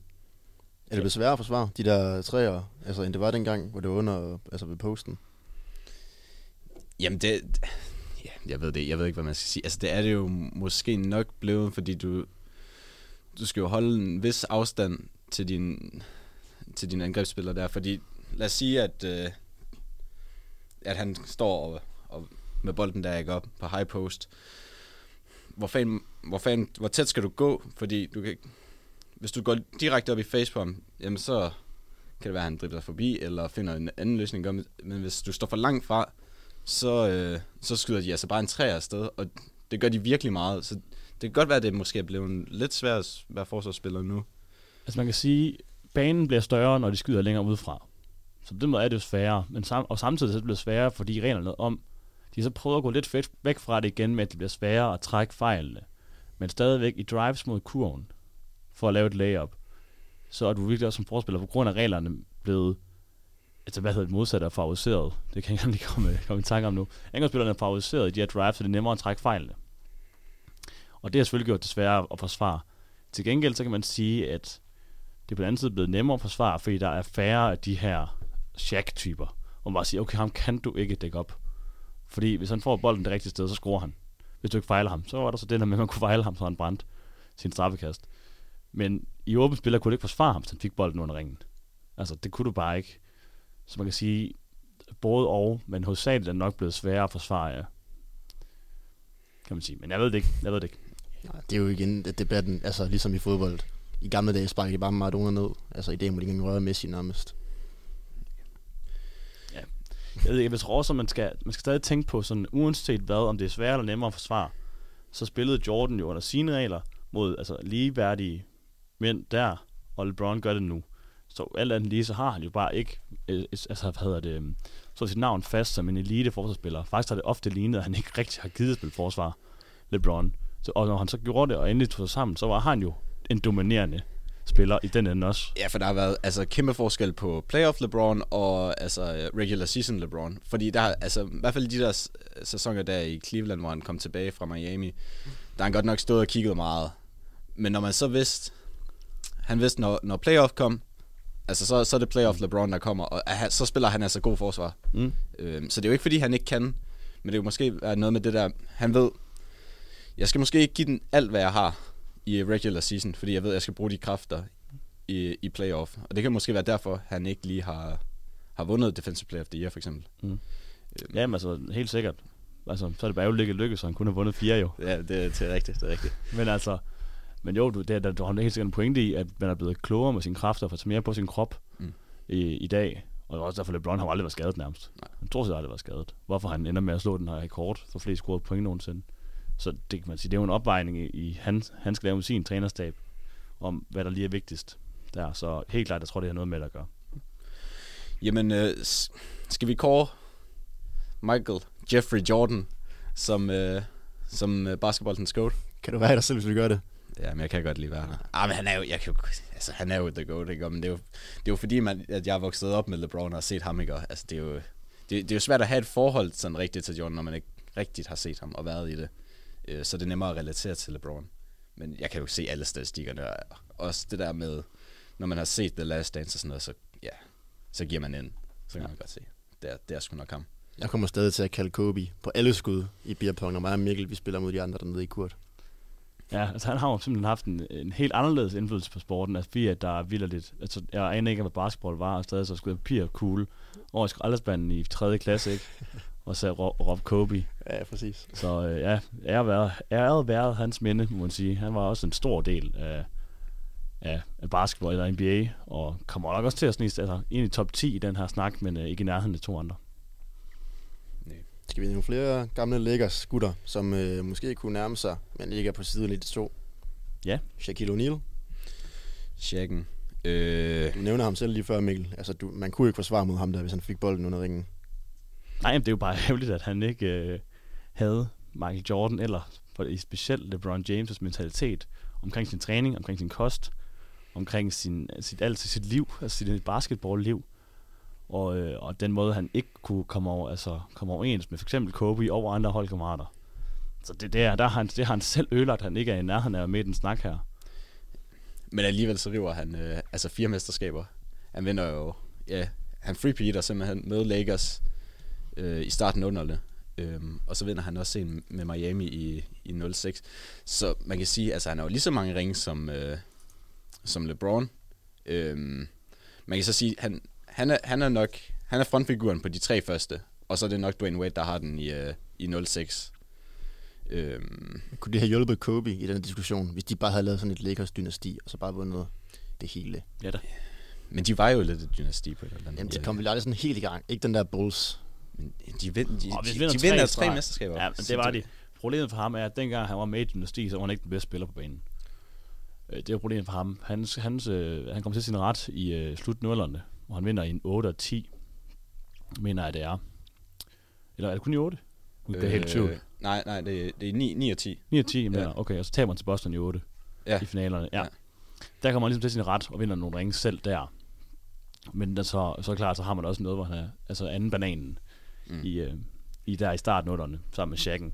Men altså, Shacken havde meget mere, øh, altså meget mere potentiale til at kunne være deroppe af, end, øh, end Kobe Bryant øh, havde. Så, så helt sikkert, Shaquille O'Neal var den, der kunne nærme sig, og der er også et argument for, at han er op og nærme sig de to, der kun snakker topniveau. Ja. Den altså, den, de tre sæsoner, hvor han var bedst, problemet var bare, at i modsætning til Jordan, som jeg brugte argumentet mod før, så var Jordan trods alt på det niveau i mange flere sæsoner. Ja, man kender måske Shaq som den der store fyr, men han var altså rigtig atletisk i sin, øh, i sin unge dage. Altså, det, jo, det var faktisk en helt anden Shaq, end den ja, mange egentlig kender, ikke? Øhm, fuldstændig atletisk vanvittig. Ja, jamen, han løb jo fast breaks og alt muligt, ja. Og dunkede folk i hovedet. Det gjorde han så også sidst, men det var bare sådan, når han fik noget, kunne han sagde, øh, øh, lige ned i hovedet på en eller anden. Men altså, dengang der var han jo, altså, noget, det er helt andet, noget helt andet at se. Ja, Ja, hvis man har fulgt med på Insta i dag, så er han jo faktisk ved at altså, blive hakket igen. Ja, ja, ja, ja præcis. Nej, altså jeg vil sige, at i den diskussion, så er der, har Kareem Abdul-Jabbar og Magic Johnson en væsentligt større, en større aktie i at kunne nærme sig øh, LeBron og, og Michael Jordan, jeg sige. Det er nok, hvis jeg skulle tage de næste to, så ville det være de to, tror jeg, sammen med Larry Bird. De, ja, de, øh. de tre, der kom der, kunne kæmpe om tredjepladsen. ja. Så. Jeg har øh, Tim Duncan også faktisk ret højt. Han, øh, ja, han river altså bare de der mesterskaber sammen med Pop. Øh, Afgjort. fem ringe. Øhm, måske ikke sådan et household name, når man lige sådan, hvis man ikke følger særlig meget med i, øh, med i NBA, men bare super stabil forsvarsanker, øh, gør alt det simple, øh, ja, og vinder faktisk fem mesterskaber. Det var det. Rigtig flot. Det var det. Øhm, Problemet er, at han ikke er flashy. Han var ikke, Jamen, fed. det det. Han var ikke så lige så fed at se. Og, øh, altså som, som både Shaq, LeBron og, og hvad hedder det, Kobe og Jordan og Ja. alle sammen var. og spiller heller ikke i de der fede øh, Los Angeles, eller altså, bare stille og roligt i San Antonio. Ja. Bare bare der, og Præcis. Jamen, han, jeg tror, han meget han er en sleeper, men, men stadig, han nærmer sig ikke de andre. Nej, det gør han nok ikke. Nej. Skal vi, vi kåre uh, Michael Jordan som uh, the greatest of all time. Um, det kan være, at vi lige skal nuppe et stykke musik derude. Og så vender vi tilbage lige om lidt. Se, hvad han har til jer. Ups. Lil TJ. Not at all. No one can stop me, I feel like the greatest. Don't say be humble, I patiently waited. All of this love and I ain't even made it. I got for them niggas that hate it. Running some bitch for my bros, I'ma make it. They want me going, I can't walk around naked. Even my brother got caught and he ate it. No one can stop me, I feel like the greatest. Hop in the foreign, I'm drifting on stupid. Niggas be broke like the fuck is you doing? Started off strong, but there's room for improvement. I ain't for nothing, Milwaukee, I'm booming. Love ain't for me, now it's static with Cuban. Bitches in love with the way that I sing. They ain't want TJ before this whole movement. Now they dig rock cause I'm doing my thing. Posted up on the block with the gang. Spin through your hood, I ain't tucking my chain. Bro got a chop with a whole lot of range. Shit be consistent, ain't nothing gon' change. Now that I'm speaking out honestly, I be flexing, but I'm still in poverty. With my mom out the hood, do it properly. Give a fuck if you look at me awkwardly. No monopoly, I'm about property. I don't owe niggas shit but respect. Y'all won't there, I was going through stress. Matter of fact, I'm just wasting my breath. And now I'ma just talk about all of these bands. How I'm so grateful I'm not in the can. How I'm so grateful for all of my fans. So grateful I am who I am. Huh, bought me the sweater, huh, Chewy the pants. He did it again. Looking forward to a show in Japan. I think Dexter better lay off the. Throwing water on my chain cause I can't apply impression. Now they shaking my hands. Niggas ain't getting no pay, but I know that's the reason they hate is my gun on my waist. Touch guapo get shot in your face and there ain't no room for debate. I know these niggas going hate, but my life is still going great. Pop out your Vinci, babe. We from the trenches, it's easy to hop over fences. That these trying to build up a case. Stay with a weapon, it's either a Glock or a Western. That bitch shoot you right in your face. No one can stop me, I feel like the greatest. Don't say be humble, I patiently waited. All of this love and I ain't even made it. I got a plan for them niggas that hate it. Running some bitch for my bros, I'ma make it. They want me going, I can't walk around naked. Even my brother got caught and he ate it. No one can stop me, I feel like the greatest. Feel like the greatest, I think I'm the goal. Please don't get naked, I just want to throw. Out of my Birkin, I feel like it's working. Yeah, bitches be virgins, ain't even a joke. Feel like star when I hop in the race. It don't matter the place, I ain't tucking my chain. Only my brothers ain't fucking one lanes. I don't care what you tell me, ain't nothing gon' change. Red up some bitch, now I'm up like a plane. I was just hungry, ain't nothing was funny. I do what I do, I'ma stay in my lane. Hop in the booth and I'm spitting that pain. I was a youngin' that couldn't be tamed. Thinking shit funny like TJ and Stain. And I'ma get money regardless. Kill a nigga be easy, I'm heartless. I'm so young with a whole lot of charges. In the booth, I be working my hardest. Go try to diss me, I swear that shit garbage. It won't be long till I walk in the carpet. Call me a ladder, I took off the market. Red and green I ain't missing my talking. Run if you stupid, run if you stupid. Word is, word is smelly, I won't have you to shoot it. Told my niggas we gon' ball like I'm hooping. In the streets, I'm a fighter, Hadouken. Started winning, I got tired of losing. Know about it, don't know why they accusing. Three lines got me daddy, I'm snoozing. Back up, cause I'm seeing the losers. Bro told me grind, bro told me grind. All this fake love, I don't pay no mind. Got a story and it's one of a kind. Independent, but I coulda got signed. Cooking fire, baking soda combined. Do the math, I turned 809. 17, they a boy in his prime. Free bro, he got off for the dime. Free verses, you out of your mind. Only gang do it ever for mine. Running, running, trying to get me a bag. Running, running, trying to get to it fast. Niggas talking like they bitches, they chat. Spin the block and we spinning it back. I was in the field cooking the crack. One in the head, I ain't cocking it back. G sides, I get static, they smack. SB, put my hood on the map. Gang, no one can stop me, I feel like the greatest. Don't say be humble, I patiently waited. All of this love and I ain't even made it. I got a plan for them niggas that hate it. Run up some bitch my bros, I'ma make it. They want me going, I can't walk around naked. Even my brother got caught and he ate it. No one can stop me, I feel like the greatest.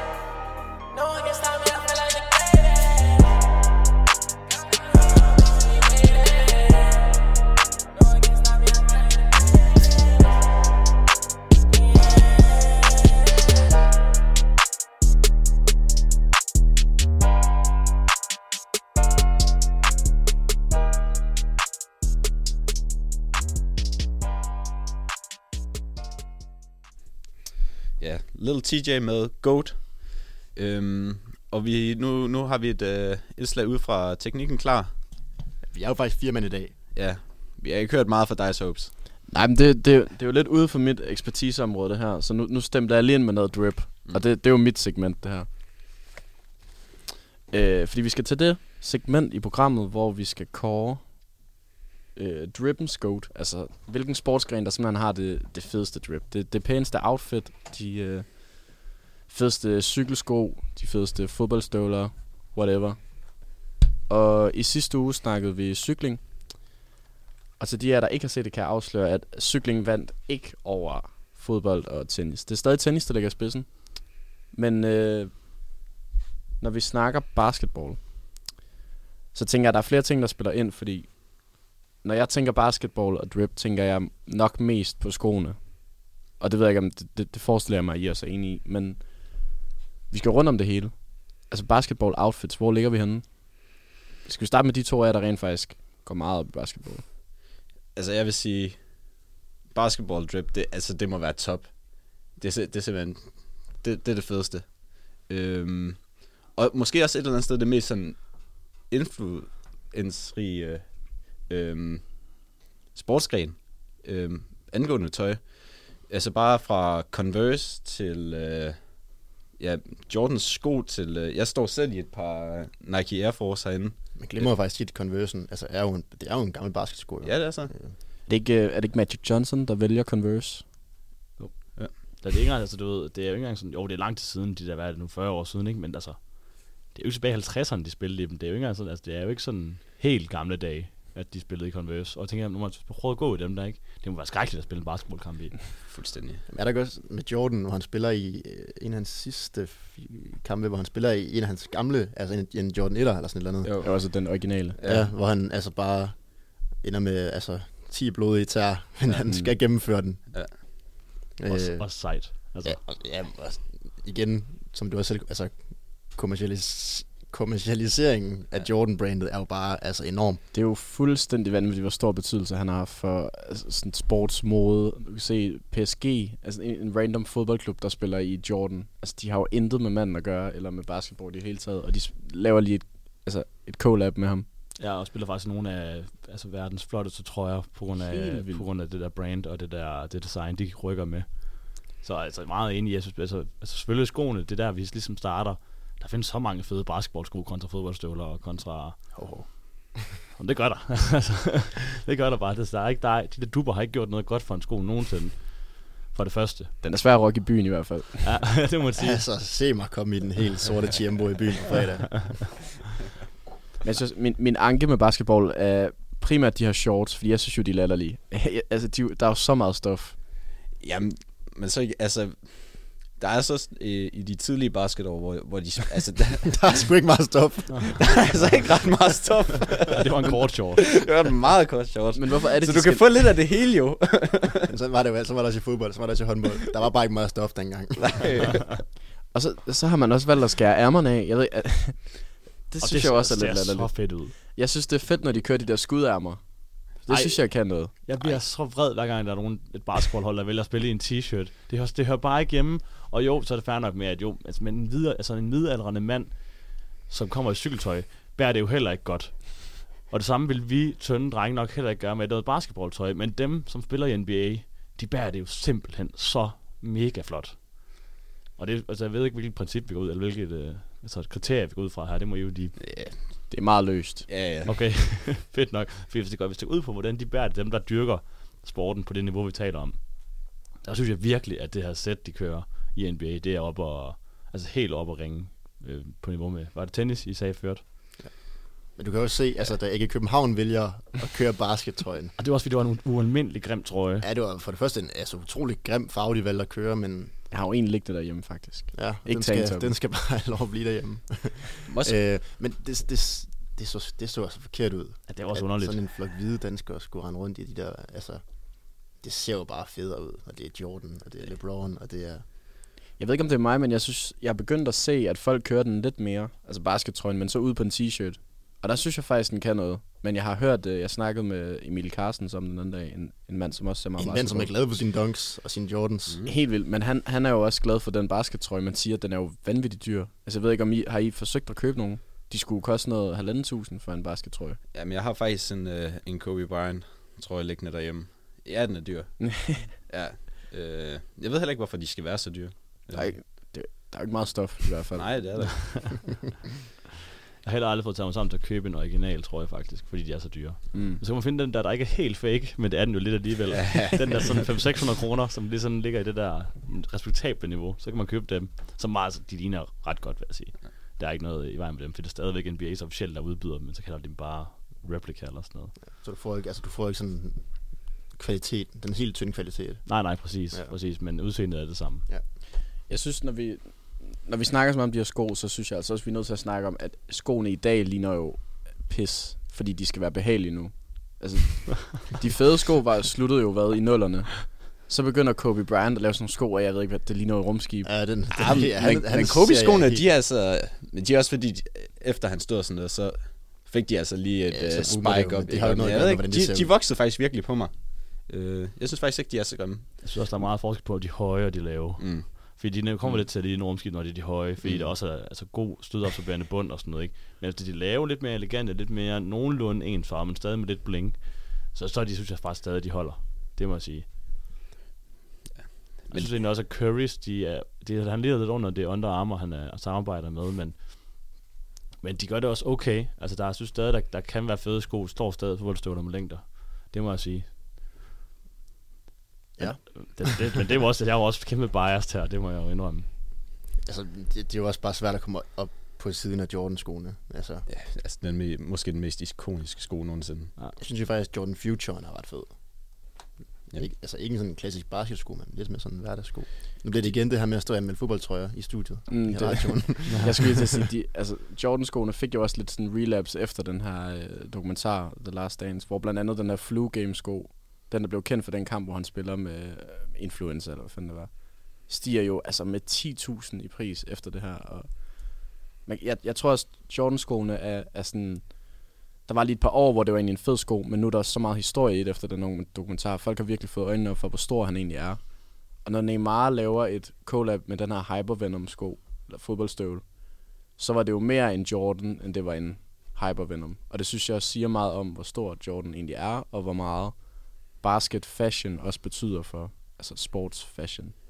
Og streetwear også. Jamen, det, igen, det er jo, altså basket trækker jo bare tråde helt altså ned til det urbane miljø. Altså, de har jo bare kæmpe indflydelse på, ja, på hele kulturen. Altså, hele den der sådan streetkultur i USA jo. Eller hele verden faktisk. Ja, præcis. At du, kan, ald- du, altså, du kommer aldrig til at se... Nu er det faktisk kommet en lille smule cykeltøj, hvilket jeg synes er måske lidt, lidt mærkeligt. Men altså, du får aldrig til at se fodboldtøj sådan forbindes med øh, streetwear, øh, eller det samme med tennistøj. Det bliver jo aldrig sådan Nej, nej, fodboldtøj man- at det kommer, ja, præcis. Ja, det kommer aldrig ud over, altså, ud over rampen og bliver sådan hverdagsbokserning. Det synes jeg er fedt. Det, man, man, kan, man kan endda sige, at det tætteste øh, fodbolden har været på det, det var, da PSG lavede en trøje med Jumpman-logoet på, Michael Jordan. Ja, ja.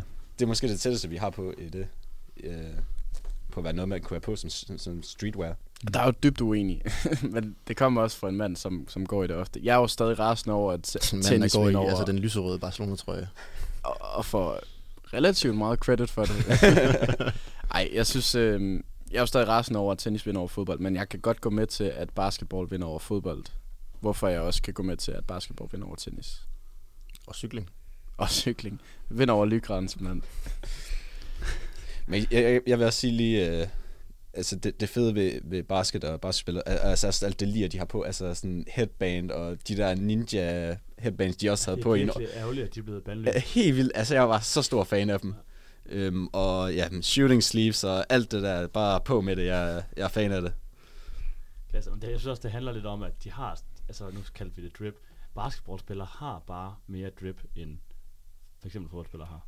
Det er jeg nødt til bare lige at, at sige, og det, og det er også derfor, den bliver lidt svært med, når det er drip mod drip, men det kræver, kræver, handler også bare så meget om, at det er de mennesker, der har dem på. Mm. De er så meget federe, Mm. har så meget mere sådan swagger, eller man kalder det. Ja, for man kan sige, altså, et er, at de går ind og spiller en basketkamp, men der, der er næsten en kamp. Og du kommer aldrig sige, at Messi han har swagger. Nej, jeg Det har det sgu han ikke. Slet ikke, hvis man ser de der gamle Ballon d'Or-billeder fra 2009. Og det bliver bare ikke rigtig godt, vel? Nej. Det bliver bare så sløjt. Og så når de kommer og ankommer til arenaen, de her NBA-spillere, så er de jo bare altså, super fede. Ja. Næsten altid. West Westbrook, han skød det forbi nogle gange. Men, altså, Ja, og Kyle Kuzma også. Ja, Altså, ja. men, men jeg synes, de prøver lidt. Altså, Ja, det er fedt nok. Nå, men hey, der kommer sgu nogle fede, og der er faktisk, altså, og de inspirerer altså virkelig øh, ungdommen og sådan noget. Altså, de sætter sgu deres præg Mm. Det var meget super på moden. ja, hvad skulle jeg ellers kalde det? Ja, men det er ingenting. Skal vi lige øh, skal vi, skal vi lande den der, så tager vi lige et stykke musik, og så kan vi få øh, så kan vi lige få rundet den af bagefter. Ja. Så finder jeg lige noget lækkert herude, mens Pind han lige griner færdig.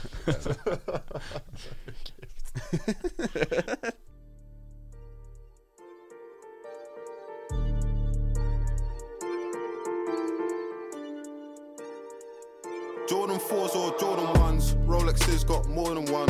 My AP costs 31 millimeters, 41. Stick, him up with a stick, stick. Need you the shorter one. You can't short me one. In a club with the shortest one. Lighty, the shortest one. On my mind, Georgia one. Crocodile bag, I bought a one. Vegan tinger, slaughter one. Freaks, I got more than one. Fuck, daddy and daughter one. Tory putting in labour, this that Jeremy Corbyn one. Awkward one, race me there, wait, care, tortoise one. I need a ting, 30 plus, Blackberry and Walkman ones. Look, I left my phone and my babies. Silent mode, my guys on riding mode. Zombies, survival mode. He's got a new vest, man, pop that showed no microphone. I'll ride for bro, he's next to I like typing O. The score 5 and 0, 6 to 1. For the kicks I love, 1254 like 6 to 1. Babe, can't look in my mentions, that's area 51. I'm so close to my pension, my left wrist is 61. My left wrist retiring. Mm. My apprentice trying to give Alan sugar, there's no way I can. Jordan 4s or Jordan 1s, Rolexes got more than one. My AP costs 31 millimeters, 41. Stick, him up with a stick, stick, Each of the shorter one. You can't short me one. In the club with the shortest one. Lighty, the shortest one. On my mind, Georgia one. Crocodile bag, I bought a one. Vegan tinger, slaughter one. Freaks, I got more than one. Fuck, daddy and daughter one. Tory putting in labour, this that Jeremy Corbyn one. Overrated one, most hated one. Slid round after his birthday, gave him a happy belated one. Burned that bridge, cremated one. Boo, boo, bailiff one. Got away with murder, this that Viola Davis one. They stop and stare, watch, rare, ah, clear, stainless one. Debate this one, hating niggas gonna hate this one. Ah, I live life on a high, might fly to the bar with the guys, cause the weather's been shit. I can wear a different kettle every day of the month from a different. Så er vi tilbage igen fra Musik Musik, og vi har en gæst med igen i Nej, det er ikke studiet. vores... Det er ikke vores... Det er ikke, det er ikke en gæst, det er... Hvad, Vi har mand i marken jo. Magnus Mos Lund, kan du høre os derude, Mos? Er jeg live i radio? Ja, du er så. radioen. Hvor er, du befinder, hvor er du hen lige nu, Mos? Hallo? Hallo? Jeg tror ikke, det er Mos. Hallo? Jeg kan ikke høre noget. Jo, det kan du godt. Vi kan ikke bare sige jo. Jeg kan ikke høre noget. Der er dårlig lyd her. Har I lige scoret, eller hvad, Silke? Jeg havde aldrig troet, at Silkeborg-fans skulle larme så meget. Vi fanger ham simpelthen også altså, midt i... Øh, altså, Silkeborg har lige scoret til 2-1. Åh, så er det derfor. Han er jo Øh. helt oppe at ringe. 2-1 efter et kvarter. Altså, 2-1 efter et kvarter. Øh, skal vi se, om der er scoret? Han, Skal se, om der er scoret. han, melder, han melder lige ind. Kan jeg ikke høre jer? Nej. Nå, det var et forsøg på et lille sjovt indspark. Nå. Skal vi komme videre til et andet sjovt indspark? Så Ja. nu har vi jo vores øh, sidste segment. Øhm, vi kårer jo altid en, en dansk goat og en, ja, en, en overall goat, international goat. Og så har vi også vores egen lille golden i Kurt, Goat. som er vores fredagsbar her på DMX. Og nu er du flot tænkt over det, Mikkel. Har du, øh, har du et bud? Hvem kunne være golden i, i Kurt Strandbar? Åh, oh, jamen, altså, der, vi skal jo næsten tilbage. Altså lige nu, der er jo ikke sådan nogen, der sådan er vildt spralske på den måde. Så skal vi sådan noget Draymond Green, men jeg gider ikke op og slås. Og sådan noget. Det er også lidt ærgerligt. Men altså, skal vi lidt tilbage. Jeg tror faktisk, Jordan han kunne være sjov at have med i Goat. Eller ikke Goat. I, Golden kunne være sjov at have med i Kurt. Men jeg skal selvfølgelig ikke vælge den samme. Det er jo synd. Og så, øh, så har der gået en rygte om, at Will Chamberlain, han var også lidt af en festab øh, i sin tid. Så han er også godt bud, men der er ikke nogen af dem, der har sådan rigtig lyst til at sidde og drikke en øl med og sludre med. Så den skal jeg lige, den skal jeg lige have lov at tænke over. Hvem er jeres der? Den- er jo ikke, som du siger, den er lidt svær, fordi det er jo, altså enten så er de meget kedelige, eller så er de meget vilde. Øh, sådan en som Dennis Rodman. Jamen, jeg tror simpelthen, han har for meget fart på. Jamen det er også det, fordi der er det så nemmere med sådan en som Jesper Skiby sidste gang i cykling. Ja. Jeg tror også, de passer sgu lidt bedre ind i sådan... Og der vil jeg sige, jeg forstår ikke, hvorfor ikke valgte Brian Holm sidst. Han er, tror jeg, han er rigtig sjov at drikke øl med. Han har ja, vi nogle får jo røver. faktisk også en har kommentar efterfølgende øh, om en bytur med Brian Holm og Bjarne Ries, der har simpelthen tæsket en havenis, fordi den var provokerende. Nå, jamen så, det kender vi alle sammen. så pisse irriterende, de der havenisser. Men ellers så skulle det være sådan en som øh, James Harden, der altså også er notorisk så, så, for... så, ender vi op på stripklub. Men det er jo det, altså notorisk for at være på stripklub, og altså generelt bare ud af klubben. Er gode venner med rapper Little Baby. Ja. Little Baby. Øhm, Ellers, så vi kan også høre, altså vi har jo tale med Morten Stig om, hvem han sådan kunne finde, altså hvem han kunne, hvem man tænker Altså, på jeg som... jo sige, jeg kunne også, altså nu er det er selvfølgelig utopisk øh, med Kobe Bryant, men jeg gad virkelig godt, jeg gad ikke have ham med til, til en fest eller i byen, men jeg gad virkelig godt at kunne drikke en bajer med Kobe. For han er, han er så, øh, så vild en personlighed, jeg godt gad bare at have et lille bitte forsøg på at komme ind under huden på. og, og meget velformulerende også. Altså, Ja, de præcis. Der, altså, han kan virkelig tage dig med ind, og så fortælle dig. og meget velovervejet i forhold til mange af de andre, vi, vi nævner her, Ja. er mit indtryk i hvert fald. Ja. Altså nu, har vi, nu så vi videoer tidligere i dag af Shaq til festival. Oh, altså der ja, bare står ja, headbanger. Altså front row og inde i mosh pits. Og, Ja, men det var, det var også den, øh, den kurt personlighed, der er kommet til at koste ham øh, hans øh, mulighed for at blive goat, ikke? Så jo, Jack er også et rigtig godt bud. Altså, manden kan ikke engang være inde i Kurt. Altså, han, han, fylder, han fylder for meget. der er lokalet simpelthen for lille. Ja. Men skal vi ikke lige høre, hvad Morten Stig han, øh, han havde bydet ind med i forhold til Golden i Kurt? Will Chamberlain. Fordi, altså, den mand, han har jo været, altså det var i hvert fald hans eget udsagn, men jeg, har, jeg tvivler ikke på ham. Han har jo været i seng med 30.000 kvinder, siger han selv. Og jeg tænker, jeg kunne godt tænke mig bare at se, hvordan han ligesom får det til at ske, når han sidder der. Fordi så hvis ham og jeg, vi sidder i fredagsbaren, og vi sidder og, og får et par bajer eller et eller andet, jeg vil bare gerne lige se, hvordan han sådan scanner lokalet, og ligesom siger, okay, hende der, hende der, hende der og hende der, og det kommer til at ske.